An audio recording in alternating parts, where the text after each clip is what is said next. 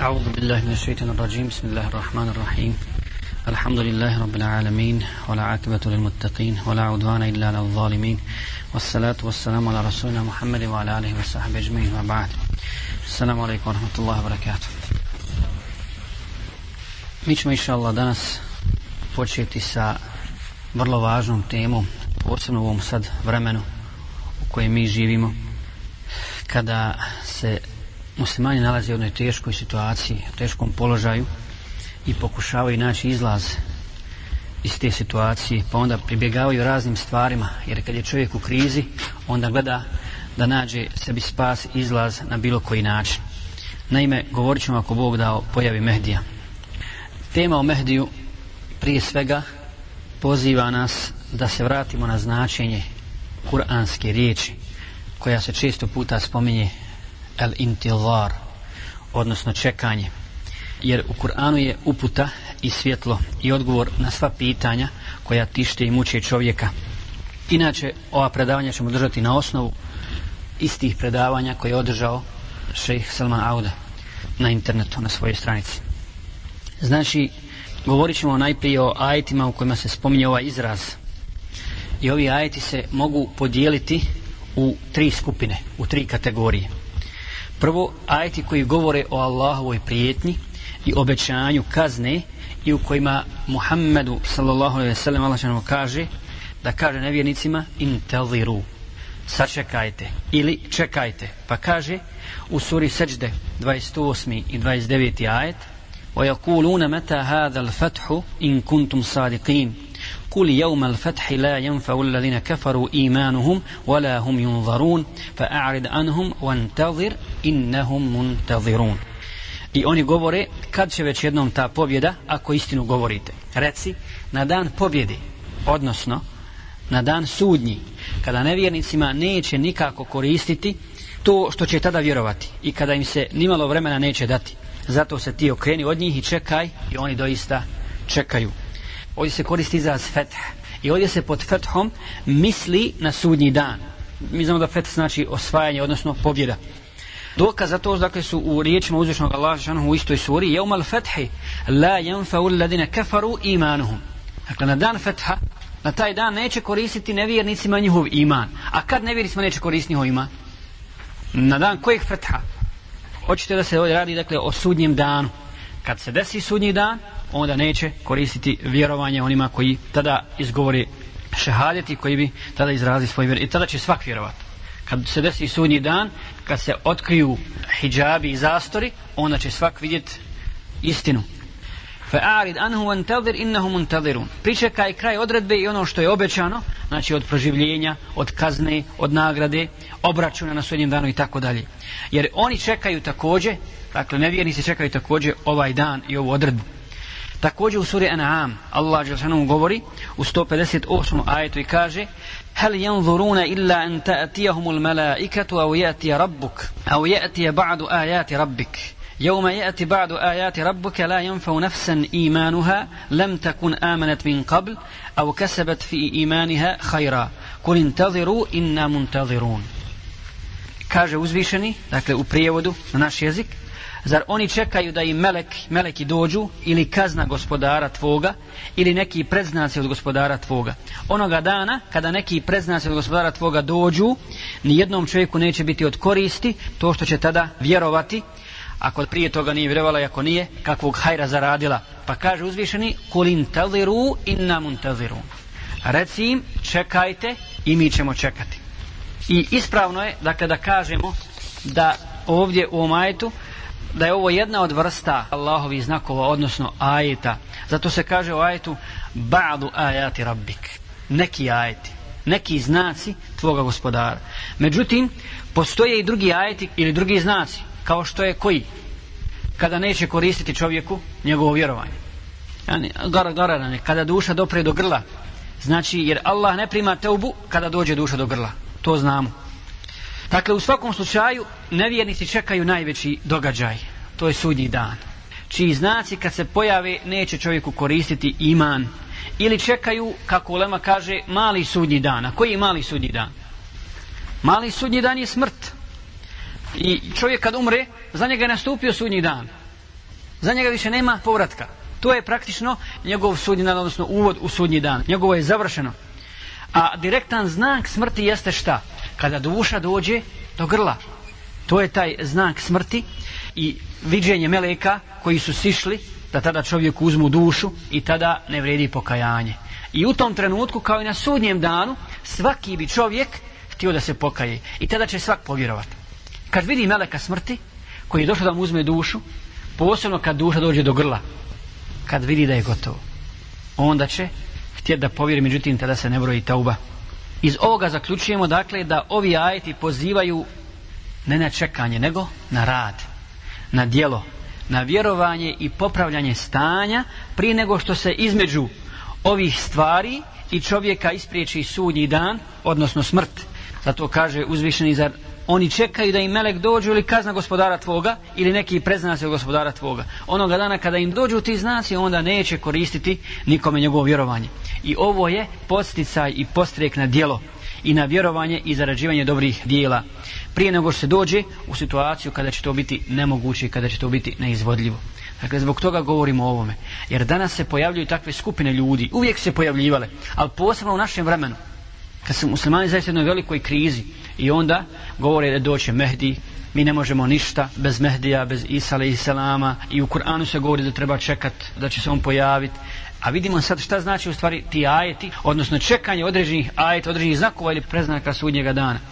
To nas posjeća na djelovanje, na rad, tako su radili ashabi. I oni su znali bolje od nas za te hadise.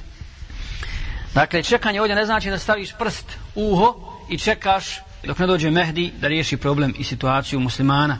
Već to znači dakle, da se boriš kao da se natječeš i boriš sa nečim zašto strahuješ da te ne pogodi.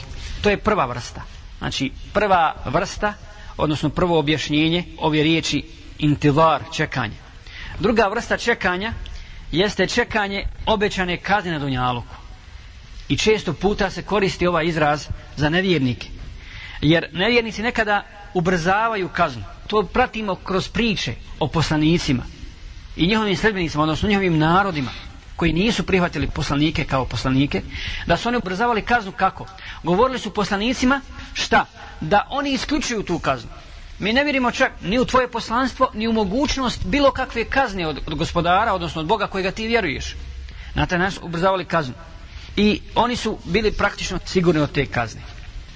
Kao što je to u priči o Hudu i Salamu, kada mu je narod njegov rekao, Allah što kaže u suri Araf, 71. ajetu, فَأَنْجَيْنَاهُ وَالَّذِينَ مَعَهُ بِرَحْمَةٍ مِنَّا وَكَطَعْنَا دَابِرَ الَّذِينَ كَذَّبُوا بِآيَاتِنَا وَمَا كَانُوا مُؤْمِنِينَ. Ili u drugom ajetu, قال قد وقع عليكم من ربكم رجز وغضب. أتجادلونني في أسماء سميتموها أنتم وآباؤكم ما نزل الله بها من سلطان. فانتظروا إني معكم من المنتظرين. rekao? Već će vas snaći kazna i gnjev gospodara vašeg, govorio je on. Zar sa mnom da se preprijete o imenima nekakvim kojima ste ih vi i preci vaši nazvali, a o kojima Allah nekakav dokaz nije objavio? Zato čekajte i ja ću s vama čekati. Dakle, oni su tražili kaznu, ubrzavali su je i govorili su Hudu alaih salamu, daj, moli Allaha, ako smo mi nevjernici, a jesmo, ne vjerujemo u tebe, i ako je to kažnjivo na takav način kako nam ti govoriš, nek, nek nas onda Allah kazni što prije. Pa im je on rekao šta? Intaziru.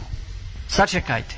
Sačekajte i ja ću vam čekati. Također, u suri Yunus, u 102. ajetu, Allah Đeršanu kaže فهل ينتظرون إلا مثل أيام الذين خلوا من قبلهم قل فانتظروا إني معكم من المنتظرين Zar oni čekaju da ih snađe nešto slično onome što je snašao one koji su prije njih bili nestali? Reci, pa čekaj, ja ću s vama čekati.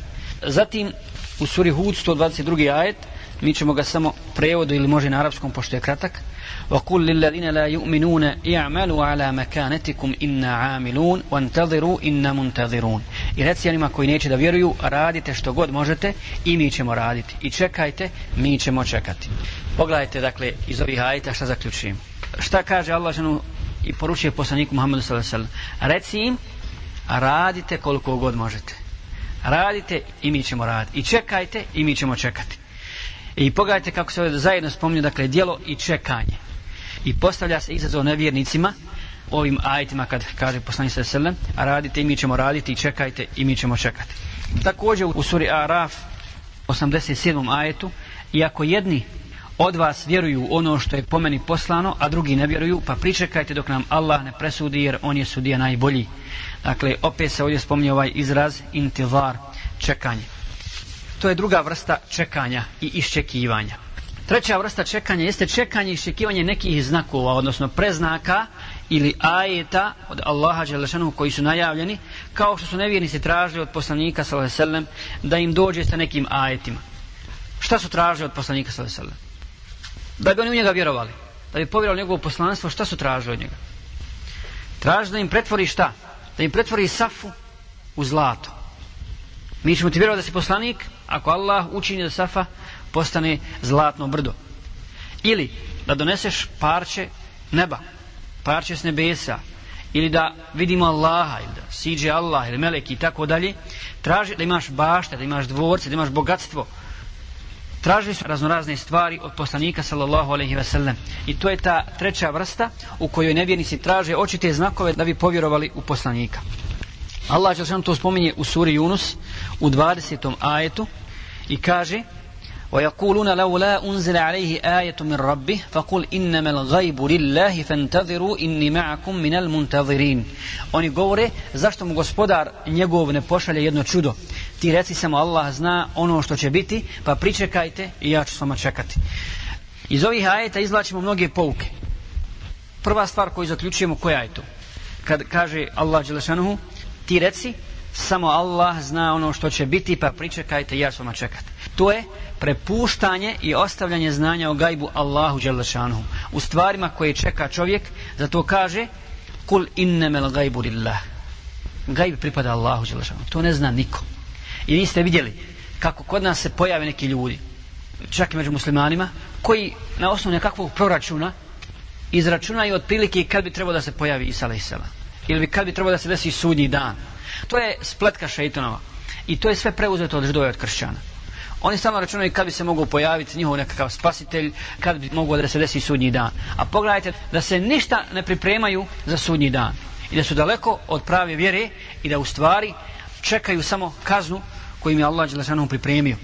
I također ispuštanje kazne i nastupanje sudnjega dana je gajb koji zna samo Allah Đelešanu.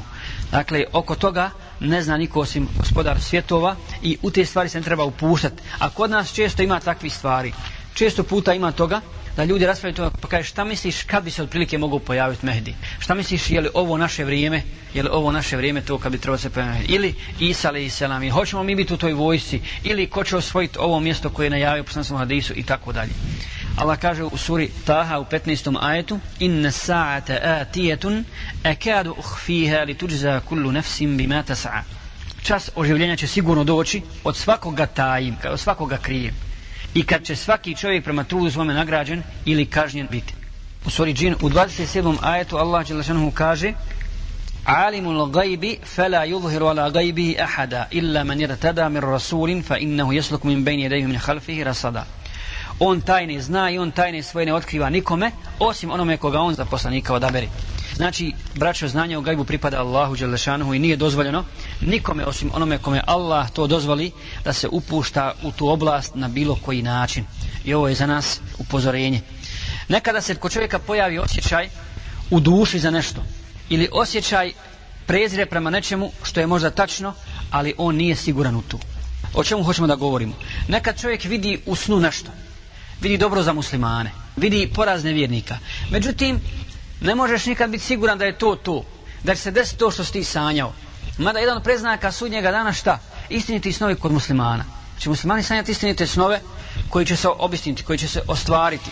Ne samo kod običnih muslimana, nego je to zasnovano na mišljenju. Bez obzira što si ti to sanjao, čak i kod koga? Kod Allahovih poslanika.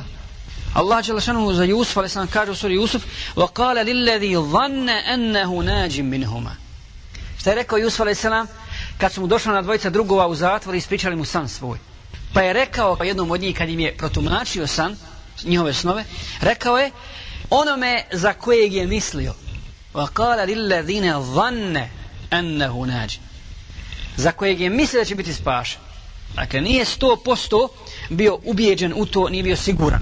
Iako je bio poslanik, dakle, kome je dolazio vah, kome je dolazila objava. Također, Muhammed a.s kada mu je čovjek ispričao san, Pa mu ga je Ebu Bekr protumačio i pitao je poslanika, ali i wasalam, obavijesti me Allahu poslaniće jesam li potrefio ili pogriješio. Pa mu kaže Resul sallallahu nešto si potrefio, a nešto si pogriješio. Nisi sve pogodio. Pa kaže Abu Bakr, vallahi ćeš me obavijestiti onome gdje sam pogriješio. Pa mu kaže poslanik sallallahu ne zaklinji me Abu Bakr. Ne zaklinji me time. Na takav način ja objašnjavam gdje si potrefio, gdje si pogriješio. To su snovi. To su snovi. Ovaj hadis bilježi Buhari i Muslim. Znači, ova predviđanja, pretpostavke, mišljenja, mogućnosti su široki. Međutim, čovjek nije siguran u stvarima koje se odnose na gajb nikada. Zato kaže Allah Đelešanuhu, kul innemel gajbu lillah, jer je to čekanje vezano za budućnost. Druga pouka koja se krije u ovim ajetima, jeste da je Allah Đelešanuhu isključio ljude, to jest ljudski faktor, čak i poslanike iz svega što se odnosi na Božju kaznu, koju čekaju ljudi. Bez obzira koliko prevršili mjeru u svom zulum, u svojoj nepravdi i prema muslimanima, Allah samo zna kako će ih kazniti i kada će ih kazniti. I hoće li ih kazniti. Allah zna što je njihovim prsima. Može se pokajati. Zato kaže Allah što poslaniku sa selem u suri Ali Imran u 128. ajetu Lejse leke minel emri shay'un au jatube alejhim au juadzibahum fa innahum zalimun od tebe ne zavisi da li će on pokajanje njihovo primiti ili će ih na muke staviti jer oni su zaista nasilnici dakle od tebe ništa ne zavisi to zavisi od Allaha Đalešanu a također sličan ajet u suri Yunus 46. ajet وإما نرينك بعض الذي نعدهم أو نتوفينك فإلينا مرجعهم ثم الله شهيد على ما يفعلون bilo da ti pokažemo onoga čime im prijetimo, bilo da ti dušu uzmemo, nama će se oni vratiti i tada će Allah biti svjedok za ono što su oni učinili. Dakle, ovom je šaret da su to stvari koje poznaje samo Allah Đelešanu i on njima upravlja i on ih određuje i na čovjeku je da se povinuje Allahoj odredbi i njegovom kaderu i njegovoj volji. Treći dokaz, odnosno treća pouka iz ovih ajeta, braćo, jeste posticanje na dijelo, odnosno popravljanje stanja i borba da se čovjek utječe Allahu Đelešanuhu od svakog zla, da se natječe sa ovim stvarima, odnosno ovim predznacima koji će doći, da pretekne, što bi rekli učenjaci, svoju smrt, to je da se pripremi za nju, za taj mali kijamet, a ne da čeka, već da radi i da se ozbiljno zalaže kako bi Allah Žešanu oprostio, kako bi kasnije od svog rada ubrao plodove dijelom koje je utemeljeno na uzrocima šerijatskim i prirodnim koje je Allah Žešanu uspostavio, a ne na čekanju. I ono što treba kazati jeste da nema niti jednog kuranskog ajeta, niti hadisa, koji nam daju mogućnost da čekamo događaje tek onako. Dakle, ne postoji niti ajet, niti hadis poslanika sallallahu alaihi sallam, koji bi nam dali povoda da kažemo, e, dozvoljeno je čekati bez ikakvog rada. Zato su mnogi učenjaci islamski čak negirali u potpunosti dolazak Isa alaihi sallam. Negirali su hadise o tome. Negirali su hadise o Mehdiju. Vjerovatno su znali čak da su i sahih to predaje. ali zbog tog takozvanog fatalizma, zbog predavanja sudbini, zbog čekanja da dođe taj čovjek da riješi stanje, ulema je negirali te hadise i kada to nije tačno, nego Allah Đelešanuhu je završio sa muđizama sa poslanikom Muhammedom sallallahu alejhi ve sellem nema muđiza, nego na kraju krajeva i on je imao muđize kao i svaki drugi poslanik, tek toliko da se ljudi uvjeri da je on poslanik, da je zaista poslanik i da to ne može raditi svojom voljom. Na kraju krajeva njegova najveća muđiza je Kur'an. Ali kako je obavio hidžu Imao je Isra i Mirađ. Ali posle toga odmah bila hidža Isra i Mirađ obavio na buraku. A je li hidžu obavio na buraku? Pa zar nije bio ranjavan? Pa zar nije vodio džihad stalno? Do smrti je dakle stalno vodio džihad, a znao je za pobjedu islamu. On je na kraju krajeva te hadise i izrekao kao Allahu poslanik preko objavi. Dakle, nema hadisa niti ajeta koji o tome govori da trebamo ili da možemo čekati vlastitu smrt ili neki događaj tek onako. Dakle, ni vlastitu smrt. Svaki musliman zna da će doći ili svaki čovjek ali nam je naređeno da čekamo, ni nam naređeno da čekamo skrštenih ruku, samim tim što znamo da će ona doći. Imam Ahmed bilježi hadis od Enes ibn Malika, da je Muhammed sallallahu alejhi ve sellem rekao, kada bi nastupio sudnji dan, a u ruci jednog od vas sadnica, ako može da je zasadi prije nego što nastupi sudnji dan, neka je zasadi. Pogledajte ovog hadisa. Nije poslanik sallallahu alejhi ve sellem rekao, ako neko od vas klanja, neka u potpuni namaz kad nastupi sudnji dan. Ako u tom trenutku nastupi sudnji dan i ti imaš abdest, hoćeš da klanjaš, e, završi namaz. Već je rekao, poslan sada, ako je kod jednog od vas u njegovim rukama sadnica, neka je zasadi. Jer možda će nekome ljudi sinuti misao pa da kaže, ovo je dunjaluška stvar. Zašto poslani sam sam spominje stvar koja je od dunjaluka? Jest, dunjaluška stvar, ali koja je dozvoljena. dozvoljena ispravna i ako se radi o ispravnoj dunjaluškoj stvari sa ispravnim nijetom čovjek je uradi imaće za to nagradu kod Allaha Đelešanu zato kažemo da ima ljudi koji iščekuju ove događaje bez pripreme a to čekanje bez pripreme uvijek porađa kod ljudi lijenost pasivnost, gaflet i tako dalje i to je dokaz slabosti ljudskog imana, odnosno duševnog, duhovnog poraza kod čovjeka. Zato ćemo navesti predaju koju bilježi muslim od Jesira ibn Džabira, da se pojavio crveni vjetar u Kufi. Došao je čovjek u Medinu i dozivao Abdullah ibn Mas'uda, radijallahu ta'ala, govoreći, o Abdullah, nastupio je sudnji dan. A on je tada odmarao, pa se podigao, rekavši, Wallahi, neće nastupiti sudnji dan, dok ne dođe vakat kada se miras neće dijeliti, dakle kada se ostavšta neće dijeliti po šerijatu i kada se neće čovjek radovati ratnom plijenu. Zatim je rukom pokazao prema Šamu i spomenuo je neke događaje koji će se desiti, koji će biti prethodni sa sudnjem danu. Dakle, Abdullah Mesud upozorava ovoga čovjeka da ne smije to sebi dozvoliti, da su jasni preznaci sudnjega dana, on ih bolje poznaje od njega. On bolje poznaje od ovog čovjeka preznake sudnjega dana. A on se ne ponaša tako. Nego ovaj vidio crveni vjetar odmah je sudnji dan. Desio se rat u Afganistanu, desio se rušenje nekih zgrada u Americi ili nekakve poplave ili vjetrovi. Ovo je jedan od preznaka sudnjeg dana. Ili postoji mogućnost da je ovo nastupanje sudnjega dana. Dakle, to je jedan uvod vezan za čekanje, kad je u pitanju ovaj izraz intidar. Što se tiče samog Mehdija, oko slučaja Mehdija, braćo, prenešene su mnogobrojne predaje. Možda ta brojka prelazi stotinu predaja, stotinu hadisa, ako uzmemo u obzir sve te predaje od onih koji su maudu, koji su izmišljene, koji su daif, koji su hasan i sahi. Dakle, ovih posljednjih ispravnih predaja, vjerodostojnih predaje najmanje. Od tih mnogobrojnih predaja, mi ćemo nabrojati neke, pa ćemo i prokomentarisati. Predaja od Ali ibn Abi Taliba radijallahu ta'ala an, marfu'an, marfu predaja, diže se do poslanika sallallahu alaihi ve sellem, u kojoj stoji da je Muhammed sallallahu alaihi ve sellem rekao, Mehdi je od nas, od Ahlul Bejta, Allah će popraviti njegovo stanje u toku noći. Dakle, preko noći Allah će popraviti njegovo stanje i poslaće ga da povede borbu protiv nepravde. Ovaj hadis bilježi Ahmed i Ibn Mađe. Neki ovaj hadis smatraju Hasan dobrom predajom, ali je u osnovi njegov sened, dakle lanas njegovih prenosilaca je daif, jer se u njemu nalazi Jasin ibn Šejban al-Ađli. Imam Buhari kaže, oko ovog hadisa postoji dilema, odnosno rasprava kod ulemi. Dakle, ima kritika na ovaj hadis, a Zehebi kaže da je daif. Imam, dakle, Zehebi i Buharija zamjeraju ovom hadisu, a sam Zehebi kaže da je daif. A Ebu Zara ibn Moin kažu da ovaj hadis nije loš ili nema u njemu ništa loše. Zatim, predaje od Ebu Sejda al-Hudrija.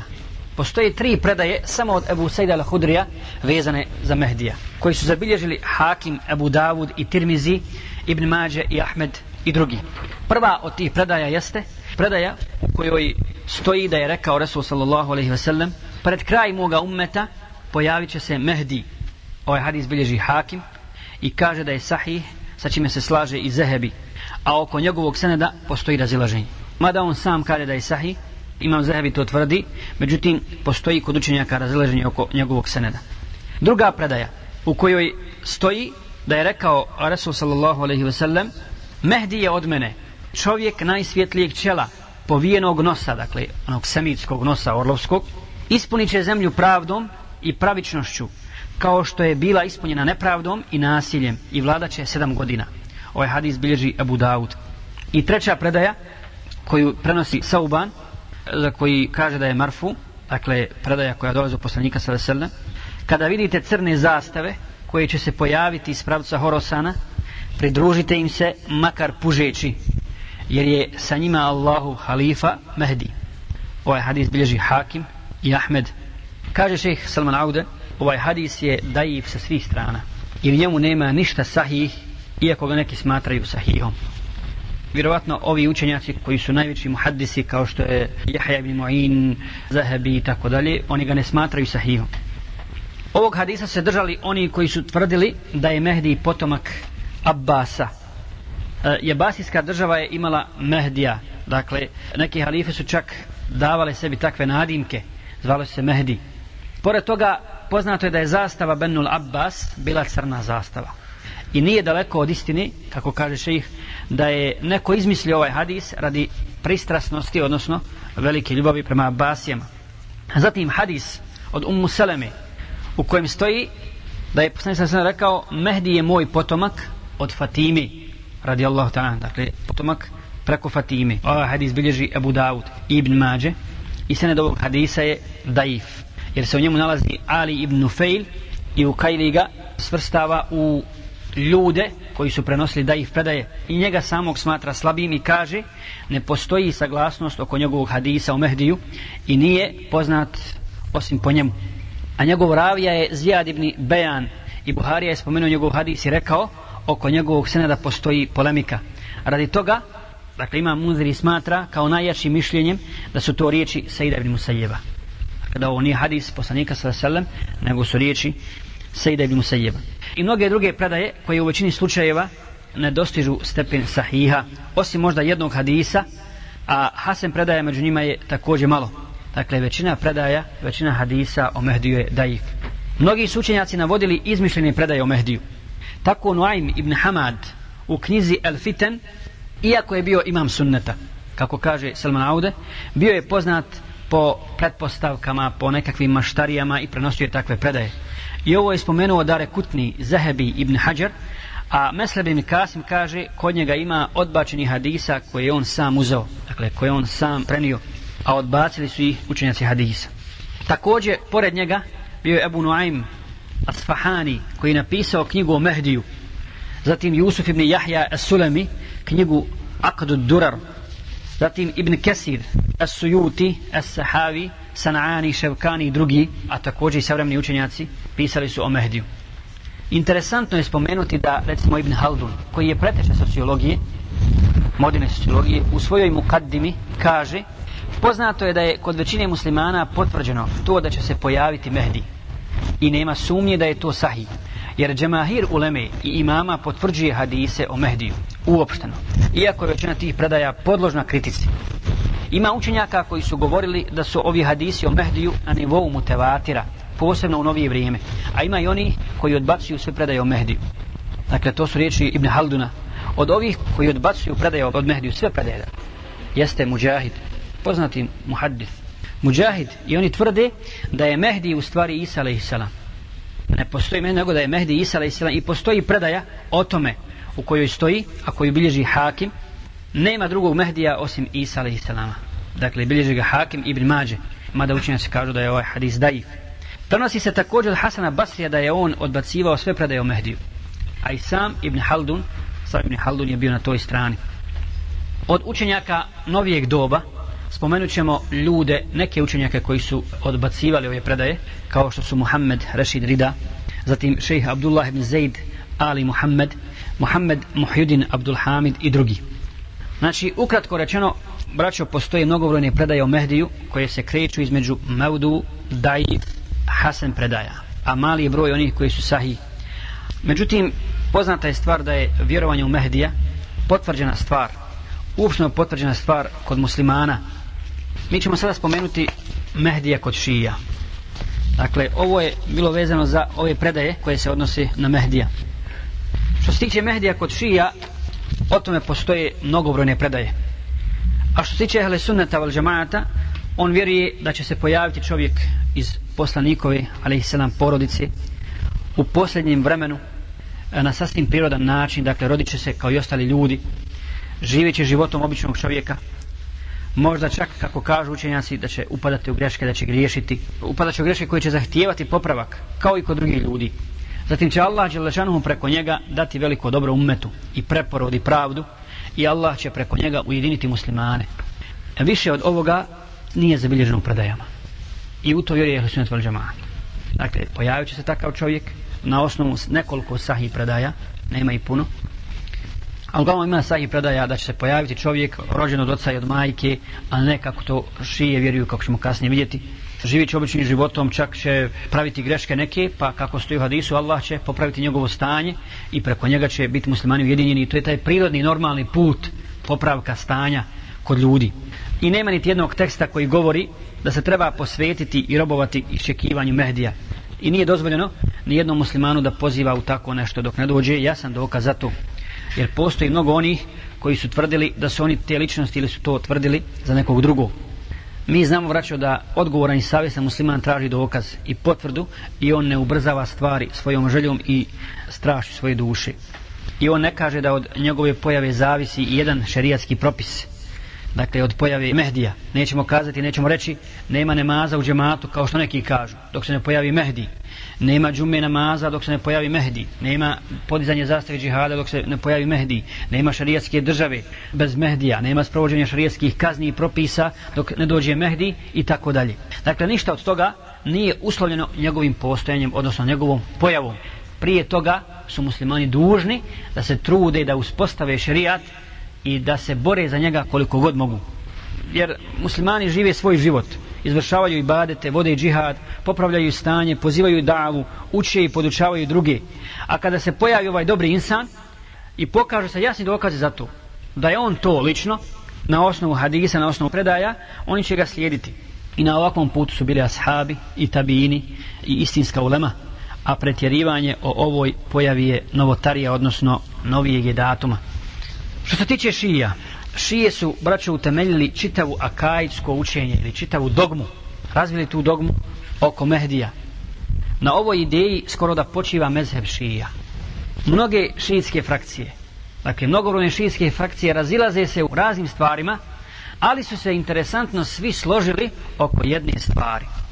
Složili se oko ideje koju nazivaju el imamul gaib odsutni imam. Imam koji je odsutan. Oko njega se svi složili i potim podrazumijevaju imama Mehdija mada se razilaze oko ličnosti samo dakle, oko ličnosti Mehdija ko je taj? Prva stvar ili tvrdnja koja se pojavila u vezi ove teme jeste tvrdnja da će se Muhammed a.s. ponovo vratiti.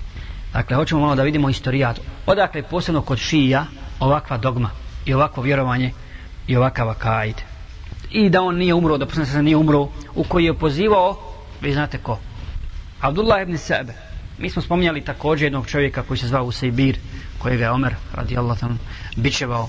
Ako sjećate na jednom predavanja smo govorili o tome. Ali im je ovaj bio učitelj, Abdullah ibn Sebe, koji je govorio čudno je da ljudi misle da će se Isa a.s. spustiti i ponovo vratiti. A poriču pojavu Muhammeda a.s.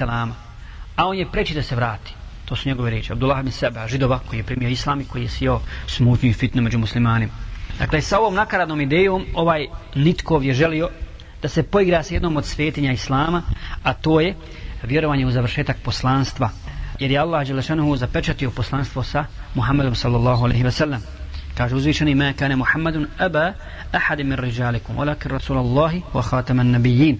Muhammed alaihi nije roditelj jednom od vas, nego je Allahu poslanik i pečat poslanika.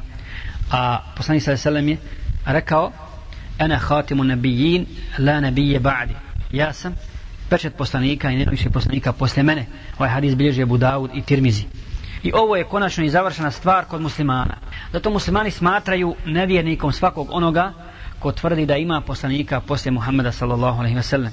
I islamska ulema je proglasila nevjernicima kadijanije i behaije znači to su nevjerničke otpadničke sekte jer tvrde da ima poslanika i posle Muhammeda sallallahu alaihi a vi znate da sada Pakistanom upravlja Kadijanija dakle, otpadnik Murted Musharaf i da su ga Amerikanci prije još su počeli svu ovu spletku i ovu igru oko Afganistana postavili da je bio vojni udar preko kojeg je on došao na vlast da bi lakše mogli preko njega ostvariti svoje zamišljene ciljeve. Pogledajte kako se stvari otkrivaju. E to je to, vidite kako oni ništa ne prepuštaju slučaju. Dok muslimani čekaju Mehdija, oni odrađuju stvari. Dakle, oni vjeruju da ima još poslanika, kao što je bio Mirza Gulam Ahmed i drugi. I to je u suprotnosti sa kategoričkim postavkama Islama. Abdullah ibn Sebe je tvrdio da će se pojaviti Muhammed a.s. i da će izići iz kabra. Pogledajte, ovdje jednu stvar trebamo dobro paziti. Nije Abdullah ibn Sebe rekao da postoji drugi poslanik. Nije to rekao. Već je ovo priprema i uvod za takvo vjerovanje. On na ovaj način želi da ostvari ono što on želi. Jer ako ovo prođe, ako ova stvar prođe kod muslimana, da povjeruju da će se vratiti Muhammed a.s da će se dići iz kabura, onda u kasnim generacijama može bilo kakav nitkov kao što je ovaj, izići pred ljude i kazat, ja sam. I da mu ljudi povjeruju. Ja sam Muhammed A.S. Ja sam izišao iz kabra ponovo sam se vratio da uspostavim pravdu i tako dalje i da uništim nepravdu dakle kogod se posle toga pojavi i usvredi da je on Muhammed a.s. I da je izišao iz kabra ljudi mogu povjerovati i tada nastaje opasnost tada nastaje velika smutnja i fitna dakle to je jasan izlazak iz okvira šerijata i iđma ashaba selefa dakle tabijina smatra da onaj ko poziva ovakvu stvar da je on između dvoje ili je bezumni ludak dakle, luda osoba kojoj je mjesto u bolnici za dušeno oboljele ljude ili je normalan čovjek, dakle pametan je ali osoba koju treba objasniti akidu islama pa ako ustraje u tome ako ustraje u, toj, u tom svom pozivu, u toj svojoj tvrdnji onda mu se presuđuje kao i kad janijama u Pakistanu tako da ljudi jasno mogu prepoznati o kome se radi to su vrlo interesantne stvari koje ljudi ne poznaju bitno je samo da čovjek ima muslimansko ime ima muslimansko ime vlada tamo i Gaddafi u Libiji i mi znamo da on donosi muslimansko ime halas, gotovo, završena stvar. Nije tako. U Pakistanu također musliman, u Turskoj sve muslimanska imena. A sve su to praktično marionete židovske, odnosno kršćanske. I nećemo sad kazati, za sve su krivi židovi kršćani. Jest, mi znamo njihov put. I mi znamo njihove spletke. Kad su ih koristili vrijeme poslanika, sallallahu alejhi ve sellem, i htjeli ga ubiti, htjeli ga otrovat, na sve moguće načine pokušavali da utronu to svjetlo i upozori nas Allah preko poslanika sa sellem, ko su oni? E onda su muslimani najpriči da uzmu te uzroke i da izvuku pouke iz toga i da ih ne ujeda zmija svaki put iz iste rupe.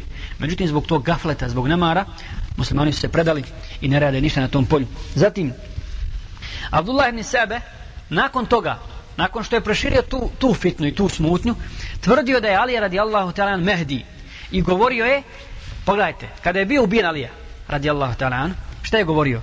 E, kada bi vi donijeli njegov mozak, odnosno njegovu glavu, u 70 kesa, mi ne bismo vjerovali da je on umro. Nego on će se vratiti i ispunit će zemlju pravdom, kao što je ispunjena nepravdom. Zatim je ta tvrdnja prebačena na Muhammeda ibn Hanefija. Ko je bio on? Ko je bio Muhammed ibn Hanefi? Sin Alin, radijallahu ta'ala. Sin Alin, ali od Fatime, zato je Al-Hanefi.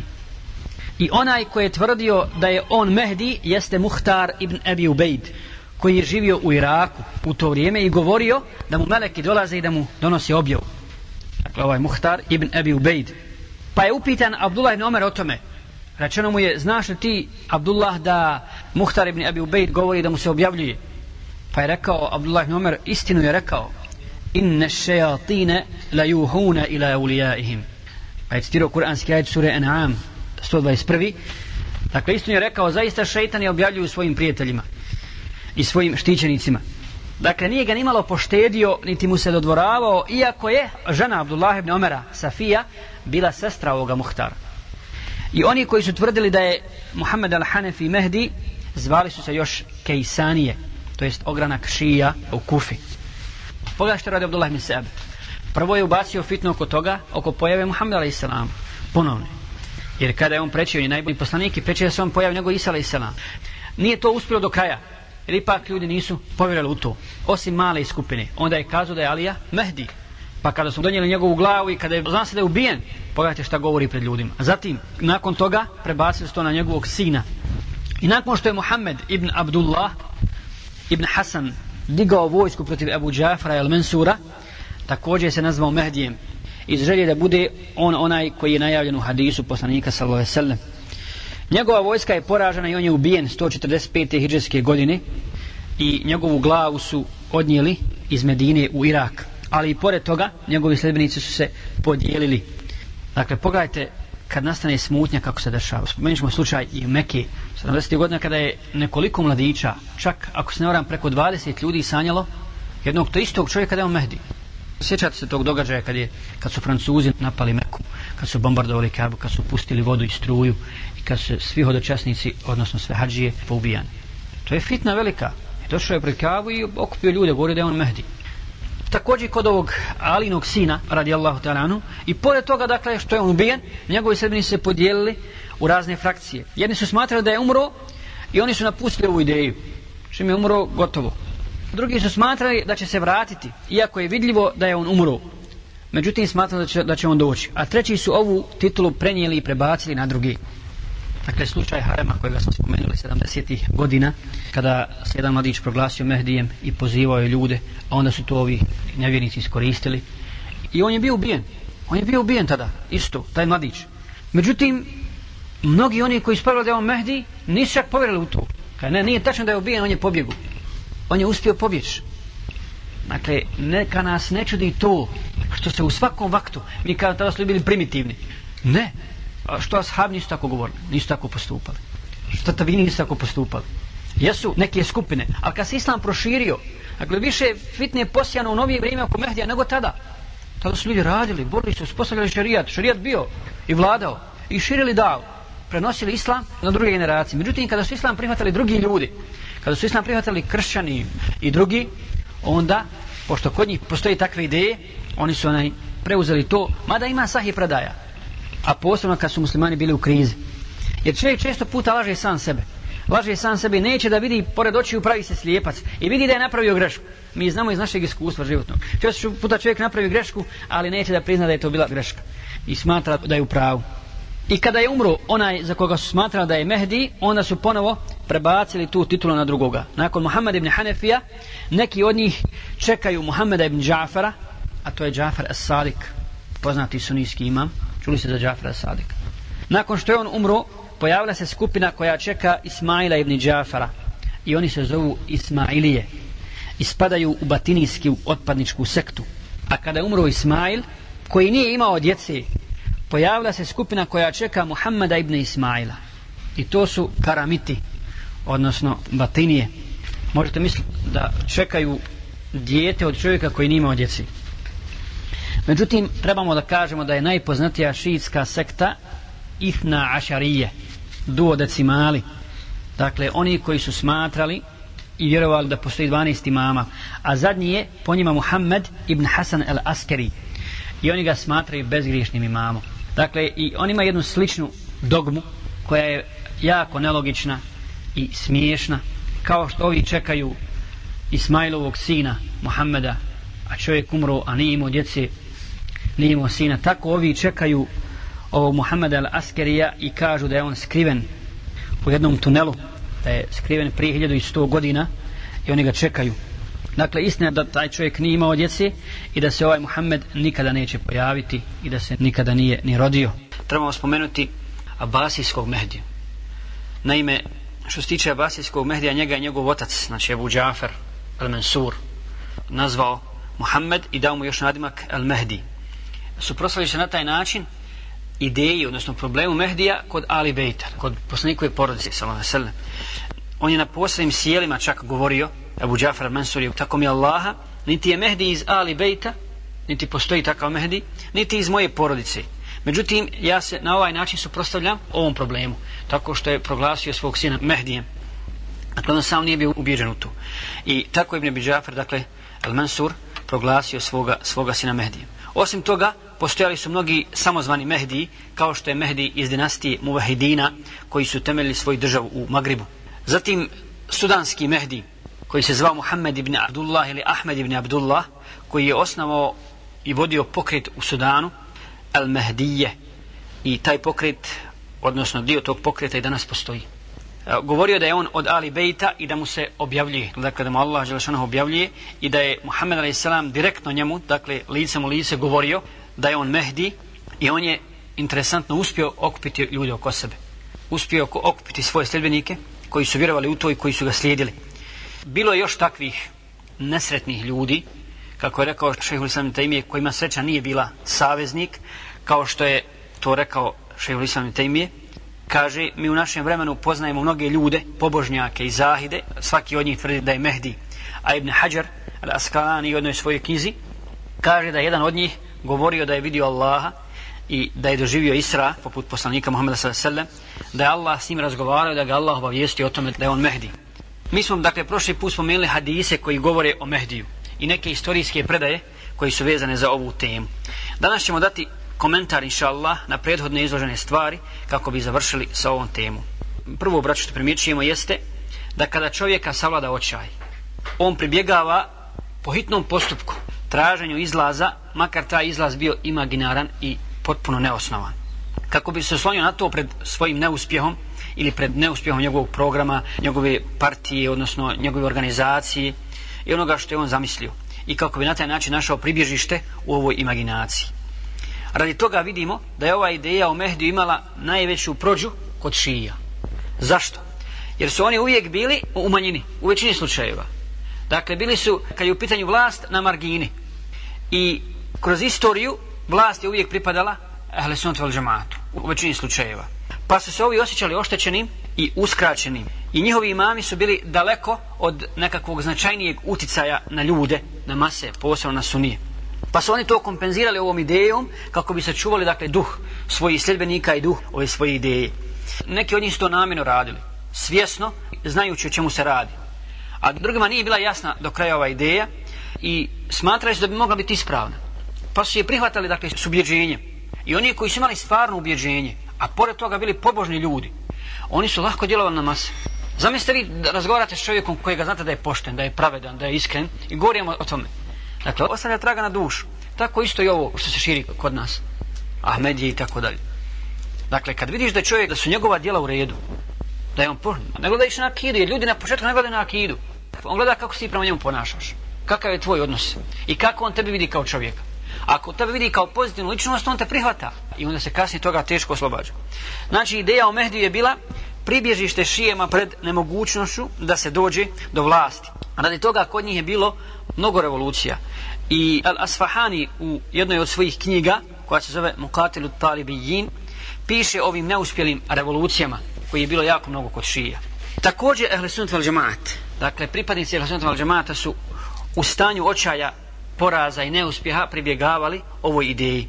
Dakle, u stanju kada nisu mogli ostvariti određene svoje ciljeve, neki od sunija su tražili izlaza u ideji o Mehdiju. Odnosno, čekali su Mehdija i govorili da će on doći izbaviti muslimane iz tog stanja. Recimo u Španiji. Mi znamo koliko je vremena Španija bila islamska.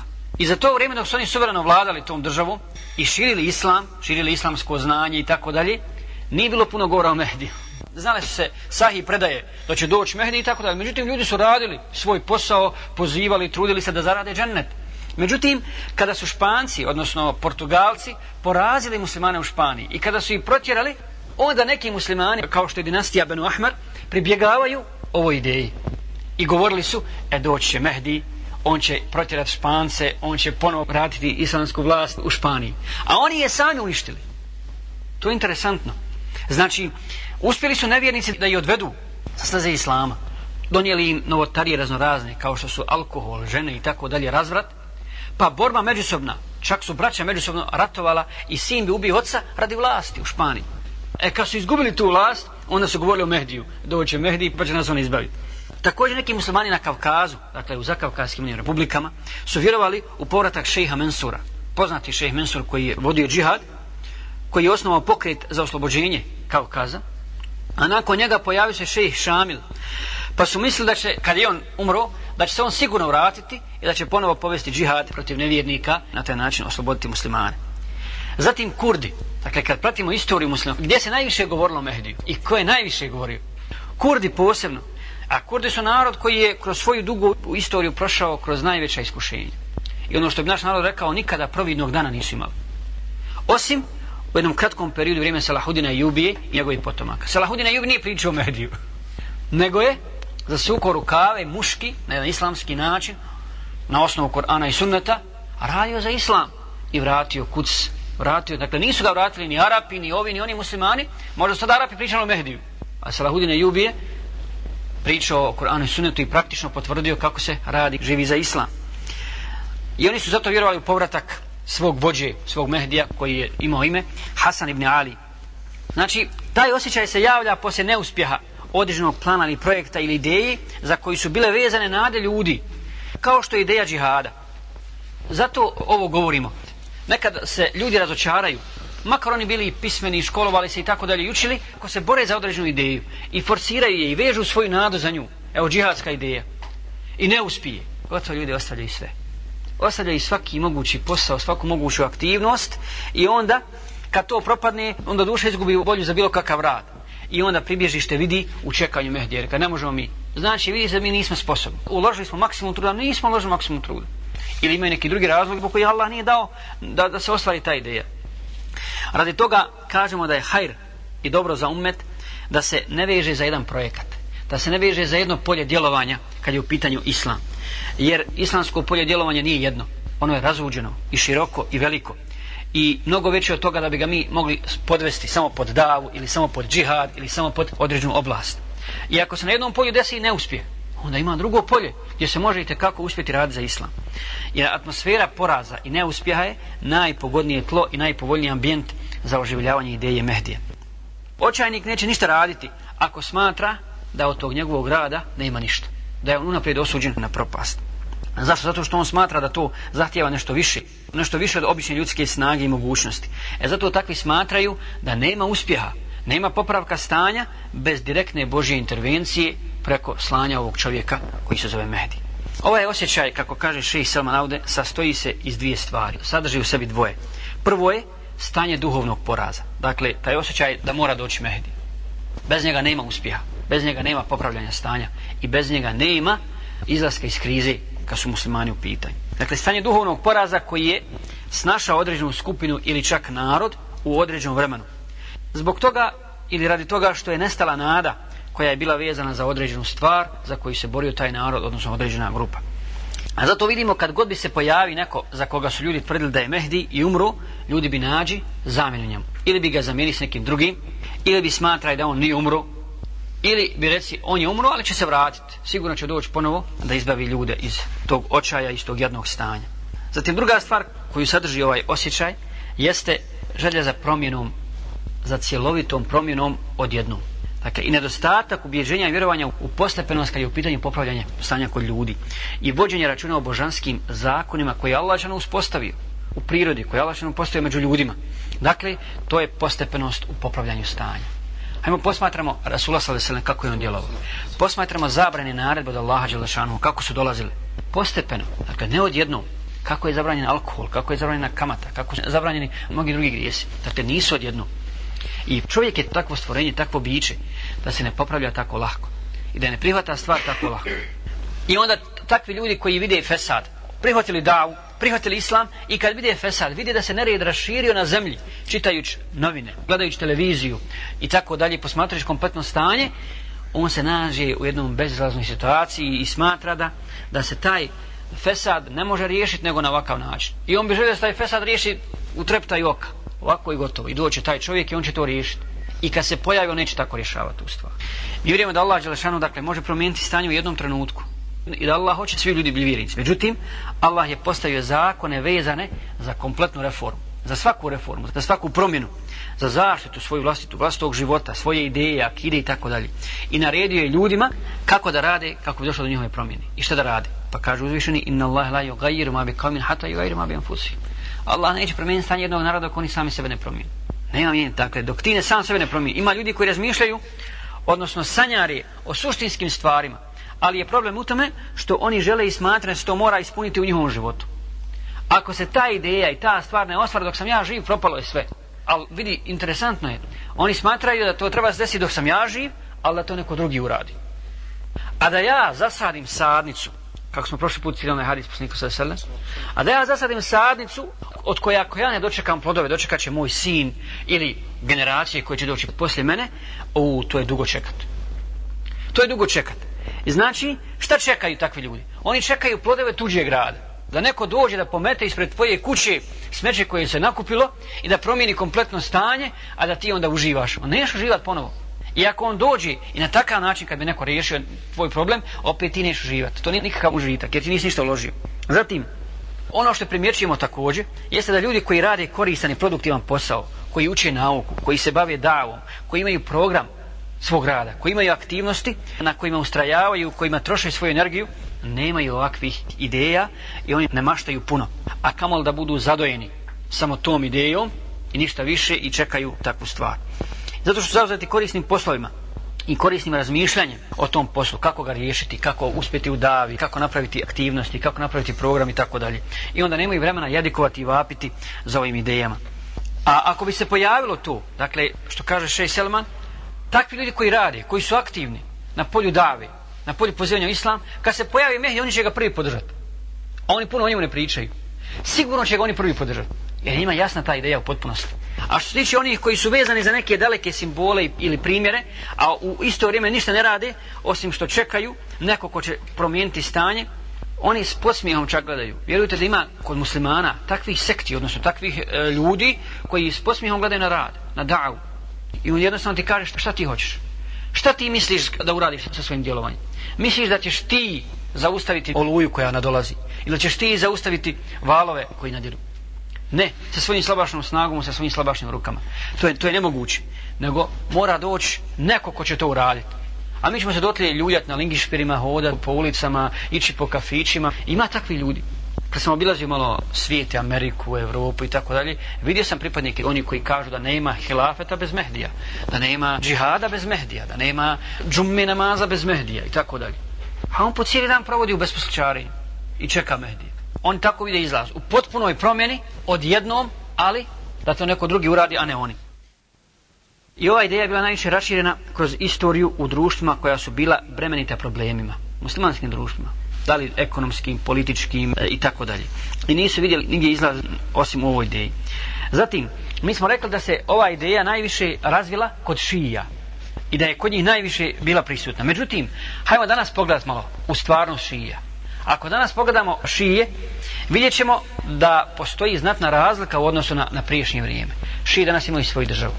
Mi ne govorimo o njihovoj akidi, koja je neispravna. Oni imaju svoju državu. Znači, nešto su ostvarili. Imaju svoju ekonomiju. Imaju svoja sredstva informisanja. I oni suvereno vladaju tom državu. I danas je sve manje onih koji pričaju na ovakav način o Mehdi. Dakle, okrenuli se svojoj stvarnosti. A oni koji su njih kritikovali od Sunija, oni su, dakle, preuzeli sad tu ulogu. Koji su i stalno napadali zbog toga, oni sad rade tu stvar. Dakle, stvar je takva da ljudi se vraćaju tome onda kad se nađu u teškoj situaciji, u teškoj krizi. Postoje dvije vrste onih koji pozivaju ovu ideju. Dakle, koji pozivaju u ideju o Mehdiju. Ili koji se pozivaju na to, koji sebe smatraju Mehdijem. Prvo su lažljivci. Dakle, ljudi koji znaju da lažu. Oni varaju ljude i na taj način pridobijaju svoje pristalice. I žele da imaju svoje sredbenike. Ako pogledamo na ove lažljivce, vidjet ćemo da su oni posebno došli do izražaja, recimo u političkom pogledu, u vrijeme Fatimija u Egiptu. Fatimije su također na rafidijska, odnosno šijska sekta, koji se nazvali Fatimije po Fatimi radijallahu ta'ala. Su smatrali se da su njeni potomci.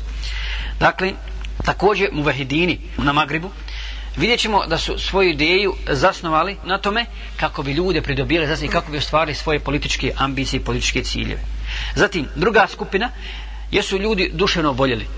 Vi znate da ima takvi ljudi, ali nažalost opet neko nasjede na to. Duševno obolio čovjek, psihički bolestan. U trenutku tog nekakvog buncanja, on se proglasi, on ka ja sam Isala i Selam, meni se objavljuje e, razno razne druge stvari. Dakle, ljudi koji imaju, recimo, padavicu, često puta buncaju kada su u takvom stanju. I mi smo rekli da su takvi ljudi za bolnice. Sljedeća stvar koju želimo pomenuti jeste da pretjeranost u nekim stvarima vodi u prelaženju granice dozvoljenog, makar ta stvar o kojoj ti govoriš bila utemeljena u šerijatu kao što je utemeljeno pojava Mehdija. Dakle, postoje sahih hadisi koji govore o tome. Na primjer, evo, uzet ćemo drugu stvar. Postavljanje imama, odnosno izabiranje imama, jednog vođe za sve muslimane, nema nikakvog razilaženja kod ummeta oko toga. Dakle, svi se slažu da je to šarijetska nužda. Da postoji jedan imam koji će voditi, voditi sve muslimane. Međutim, pretjerano naglašavanje i posvećivanje samo tome, recimo kod šija je napravilo ogromnu distancu između njih i svih ostalih muslimana. Posebno između njih i, i sunija. Onih koji slijede Kur'an i sunnet. Zbog čega? Zato što su oni na tom imametu zasnovali kompletnu svoju akidu. I, i akidu al-vala al-bara. Neko nije prihvatio to da su njihovi mami bezgriješni, on je za njih neprijatelj. Dakle, i kad čitamo njihovu istoriju, njihove knjige i njihovu akidu, stiče se dojam iz tog čitanja da je kosmos stvoren zbog njihovih imama, posebno zbog Ali radijallahu ta'ala da je Dunjaluk stvoren zbog njih, da ne bi bilo Dunjaluk kada nije njih, da je Ahiret stvoren zbog njih i tako dalje. Da su sve stvari stvorene zbog njih i podređene njima. Dakle, to su stvari koje razumno ne prihvata i odbacuje i odmah u startu. Ali pogledajte koliko su oni uporni. Što mi širiš tu stvar kad nema utemeljenja? Što mi govoriš o huktanju islamu kad toga nema? A šta je nas je potrebno? Potrebno da se razumijemo i potrebno da se istinski i iskreno vratimo u Kur'anu i sunnetu. Nećemo se svađati subhanallah. Nećemo. I hoćemo dijalog, ali da vidimo na kojim osnovama da, da vršimo taj dijalog. Dakle, mi vjerujemo u dolazak Mehdija, ali ne smijemo izlaziti iz okvira šarijata i onoga što je tome prenešeno i kazano. Jer Allah što nam kaže وَكَذَلِكَ جَعَلْنَاكُمْ أُمَّتًا وَسَطًا I tako smo vas učinili srednjim ummetom. Što znači srednji ummet? Znači da budete pravedni i objektivni. I objektivni u svakoj situaciji. I da ne idete u ekstremizam ni jedni vrste, na jednu stranu. Dakle, ni u žestini, niti u popuštanju Ovo je jedan od glavnih problema kod džemata danas i kroz istoriju islama. Posebno kako je pao hilafet. I kod daja i tako dalje. Dakle, ima recimo ljudi koji pretjerano govore o, o hakimiji, o sudstvu danas. Danas kad nema skoro nijedne islamske države koja u potpunosti sprovodi šerijat, kad nema hilafeta, onda ljudi napadaju vlast, napadaju pretjerano vlast i onda tekfire sve redo. I dolazi do velike fitne, pretjeruju u tome. Kao što ima oni koji su potpuno popustili u tome. Pa kao dozvoljeno danas muslimanima da biraju sebi koji hoće zakon, da sude po kojim hoće zakonu i tako dalje, bez ikakvog šerijskog dokaza. Bez utemeljenja u šerijatu. Dakle, to je problem kod nas danas. I mi ga osjećamo i mi ga vidimo. Zato ga ističemo kako bi pokušali naći ako Bog da rješenje. Četvrta stvar koju je spomenuo Šeji Selman Auda jeste da se na taj način, ako se ljudi posvete previše, možda kod nas to još nije izraženo toliko kao što je kod Arapa, muslimana, da se na taj način zapostavlja jedna druga stvar koja je utemeljena na šerijatu, a to je ideja o obnovi, o teđdidu i o muđedidima, dakle obnoviteljima vjere. Dakle, to je također ideja koja je utemeljena u šerijatu. Dakle, ima utemeljenje u hadisu poslanika sallallahu kao što je hadis od Ebu Hureyri, koji ga bilježe Abu Daud, sahih predaja, da je rekao Resul sallallahu alejhi Allah će svako 100 godina poslati onoga ko će obnoviti vjeru umetu, odnosno ljudima, muslimanima. Dakle, ideja obnove je ispravna sa šarijskog aspekta i poznata u istoriji islama. Kad bi sad nabrajali obnovitelje vjeri, daleko bi nas to odvelo. Evo, spomenut ćemo samo neke najmarkantnije ličnosti. Abu Bakr radijallahu ta'ala. Bio takvi. Šta znači obnoviti vjeru? On je posle smrti poslanika sallallahu alejhi ve sellem, ne pogrešno razumjelo, posle smrti poslanika sallallahu alejhi ve sellem, šta je uradio? Ljudi su odmetnuli od vjere, pa je on poveo rat protiv murtida, da bi vratio ponovo okrilje islama. A zašto rat protiv murtida? Neko će se upitati zbog čega muslimani ili zbog čega je Abu Bekr ratovao protiv Murtida. Ima čovjek pravo kako je ušao da iziđe iz vjere. Jeste, ima pravo. Ali, zbog pravila šerijatskog, zbog pravila islamskog la i kraha fid din, u vjeru nema prisile. Nema ulaska silom u vjeru. Ne postoji to. Ovi su ušli zbog nekih drugih interesa. Dakle, ušli su silom u vjeru. Oskrnavio si tu svetinju, hoćeš da prevariš i Allaha, Đelešanu i muslimane, i islamsku državu, e moraš biti kažen zbog toga. Niko te nije tjerao da uđeš u islam. Čak je jedan od ciljeva džihada očuvanje slobode i vjeroispovijesti. Neće kršćanin primi islam, samo daje džiziju. Ne smiješ ga tjerati da primi islam. Ako ga silom natjeraš, ti bivaš kažen, a njegov se islam ne prihvata. Jer Allah ne prima takvu vjeru. To nije iskreno, dakle, bez jekina, bez ubjeđenja vjera ne znači ništa. E, zbog toga rad protiv Murtida. Zatim, Omer ibn Abdulaziz, veliki islamski reformator, i smatruje ga petim pravednim halifom. Zatim, imam Šafija, Ahmed ibn Hanbel, ibn Tejmije, Muhammed ibn Abdul Wahab, sve su to ljudi koji su izvršili ogromne reforme, odnosno obnovili vjeru. Šta znači obnovili vjeru? Vratili ljude Kur'anu i sunnetu. Dakle, vratili ljude na tu stazu nakon što su se bili podijelili i razišli na raznorazne strane. Izmislili ibadete, razvodnili vjeru, akidu, napustili suđenje po šerijatu i tako dalje. Činili širka Allahu Đelešanuhu na razni način, dakle, zbog svog džehla, zbog svog neznanja, e onda Allah je poslao te ljude. I sami nevjernici su to priznali. Predsjedno za jednog Ibn Temiju kažu, toliko su oni njega mrzili, i toliko ga danas mrze, znaju kakav je on doprinos dao za islam i koliki reformator bio, kad Ibn Temi je posijao minsko polja, posijao mine sa svojom idejom, govoreći o Kur'anu i sunnetu i vraćanju Kur'anu i sunnetu, a kad jedna od tih mina je eksplodirala, a mi se bojimo da ne eksplodiraju i ostale, a ta mina koja je eksplodirala je Muhammed ibn Abdul Wahab. Dakle, ona je eksplodirala i ona je, ona je napravila ono što je napravila. Dakle, ljudi su se preko toga osvijestili i vratili se i počeli se reći Kur'anu i sunnetu i to i danas osjećaju i svi pokreti i to priznaju svi ljudi muslimani u okviru ehli sunnata vel džamata svi ljudi koji su formirali kasnije pokrete ihvanul muslimin i svi drugi zasnovali su te svoje ideje odnosno postrek im je dao niko drugi nego Muhammed ibn Abdul Wahab Dakle, svaki od tih muđadida i obnovitelja je izvršio svoju ulogu i reformu u okviru svog polja djelovanja. I cilj ovih obnoviteljskih ideja jeste da, kada, da se ljudi pokrenu i da se njihove težnje ka reformi pokrenu popravljanje stanja kod muslimana. Jer obnoviteljska ideja ne utiče i ne tiče se samo jednog čovjeka, kao što je ideja o Mehdiju. Doće Mehdi i on će sve riješiti. Obnoviteljska ideja ne tiče se jedne ličnosti ili nekoliko ljudi, nego se tiče grupe, odnosno naroda jednog ili kompletnog ummeta. Zato kaže poslanik sallallahu alejhi ve sellem hadisu: "Men yujaddid laha dinaha." Onaj koji će obnoviti njihovu vjeru. Dakle, koji će ummetu obnoviti vjeru ili koji će obnoviti kompletan ummet. Dakle, ne odnosi se samo na pojedinca. I ko je taj ko može obnoviti kompletnu vjeru koja podrazumijeva i nauku, i ekonomiju, i ibadet, i sve ostalo? Ne može to pojedinac uraditi. Dakle, to moraju raditi i skupine. Zato je Resul Sallam spomenuo pobjedonosnu skupinu. Pobjedonosnu skupinu koja će biti na istini i neće joj štetiti oni koji će se suprostavljati njoj i koji će je napadati. A cilj ove skupine upravo jeste obnova, a ne čekanje Mehdije. Dakle, obnova vjere, vraćanje Kur'anu i sunnetu i vallahi ovo prirodan način djelovanja. Podijeli se zadaci. Jedni se usavršavaju u određenoj naučnoj oblasti. Drugi vode džihad. Treći uče šerijat. I dakle, tada se formira zdravo društvo. Tada se formira zdravo društvo zasnovano na Kur'anu i sunnetu i od njega ima koristi. Od njega ima hajra. I u takvo društvo na kraj krajeva treba da dođe Mehdi. Sad, kad bi se pojavio Mehdi, ljudi ga ne bi razumijeli. I ko bi ga podržao? On sam da, da sve uradi. Jer Muhammed je sam sam uradio sve. Šta je on uradio sam? Niti jedan poslanik, niti jedan obnovitelj. Neće doći Mehdi pa ovako uraditi, gotovo svi će ljudi postati muslimani. Ne, nego će voditi džihad. Kad sam sedam, sedam godina će vladati. E, borba prije toga da se doživi ta reforma i da ljudi shvate istinu i poziv ljudi u istinu. Zato je zadatak naš i naših generacija upravo ovo izvesti muslimana iz stanja očaja i poraza i zbog toga smo svi odgovorni. Svako na svoj način, svako u svom domenu. Onoliko koliko je on u mogućnosti. I ono na kraju na što bi ja posebno stavio naglasak i skrenuo pažnju jeste braćo, potreba dijaloga među muslimanima danas. Dijaloga među raznim skupinama i frakcijama muslimana. Jer interesantno je koliko za nas muslimani spremni da vrše dijalog sa svakim drugim. Samo nisu međusobno spremni da vrše dijalog.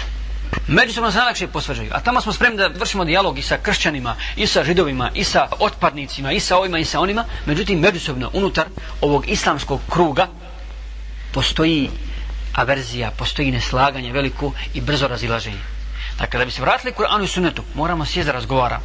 Bio ti Sufija, bio ti ovaj, bio ti onaj, hoćemo da sjedimo da razgovaramo. Ako istinski volimo Allaha Đelešanuhu, mi moramo razgovarati. I mi moramo slijediti poslanika Muhammeda s.a.v. A raditi ono što nam je on naredio, radimo i preporuči. I, i baditi onako kako on i baditi učiti nauku kako je preporučio da se uči nauka i tako dalje. I pomagati islam kako nam je naređeno. I dakle, međusobno se pomagati, voljeti, dakle, i ne smijemo, i moramo imati razumijevanje prema drugima razumijevanje prema situaciji u kojoj se nalazimo. Ne smijemo stvari preko koljena lomiti. Teško je stanje ovdje kod nas. Teško je stanje danas u svakoj muslimanskoj državi gdje se musliman nalazi. Ona crvena pošast komunistička je toliko razorila biće muslimansku da se ljudi teško mogu oporaviti. Teško se vraćaju. A vidite kako ima koristi kad se čini dala. Kad se razgovara s ljudima, kad se komunicira s ljudima, bio on političar, bio on profesor, bio on inženjer, on nosi muslimansko ime. Kako se on osjeća, mi ne znamo. To što on ne praktikuje islam, to je njegov problem. Ali mi trebamo raditi na tom polju da se približimo njemu i da mu širimo dao. A ne samo da kritikujemo, da osuđujemo. Da... I tako se zatvara mogućnost djelovanja među muslimani. Odnosno, tako smo nestabilni. Podijeljeni u razno razne frakcije i svak zadovoljan sa svojim programom, sa svojim aktivnostima. I mora biti strpljivosti u toj davi. Mora biti strpljivosti. A ne samo odbacivanje čovjeka. Budi uporan. Pogledajte poslanika sada se nekako se ponaša na Bedru, kad su izginuli vođe kufra, najveći mušici, među kojima je bio Abu Džehl, kad se poslanik sa selem došao iza njihovih ne, jame gdje su bili ukopani, su bili stavljeni, šta je rekao? Tada i nije proklinjao. Nije rekao, vi ste takvi, vi ste ne kaže, zaista ste vi bili loši saveznici vašem poslaniku. Zaista ste bili loši saveznici vašem poslaniku. Zašto ste se suprostavljali? Sad ćete vječno govoriti u vatri. Zbog toga. Dakle, to je bio zadatak poslanika. Da ljudi izvedu istmina na svjetlo. A i bili su strpljivi na tom putu. Nije im moglo ništa omijesti, nije moglo ništa izbaciti iz takta. Nekakvi problemi. I dakle, zbog toga moramo biti strpljivi u našoj davi i na svim mogućim iskušenjima, biti samilosni među muslimanima, e, solidarisati se s njima, pomagati, da svaki musliman i onaj koji ne praktikuje islam ili ima u akilji neki svojih grešaka, da osjeti da ti njega voliš u ime Allah i da mu želiš istinski pomoć, da to nema nikakvog podmotavanja, da to nema nikakve politike, nego da se zaista želi istinski prič i pomoć svakom muslimanu. Tada će se osjetiti to jedinstvo, ta pripadnost islamskom ummetu molim Allah Želešanohu da nam olakša naš put životni na Dunjaluku da a, poboljša naše stanje da popravi naše stanje da da pobjedu islamu i muslimanima da ujedini muslimanski saf da porazi neprijatelje islama da nam primi naše ibadete u Ramazanu da nam oprosti grijehe i uvede nas u džennet. Amin. Jazakumullahu khairan. Subhanakallahumma wa bihamdika. Ashhadu an la ilaha illa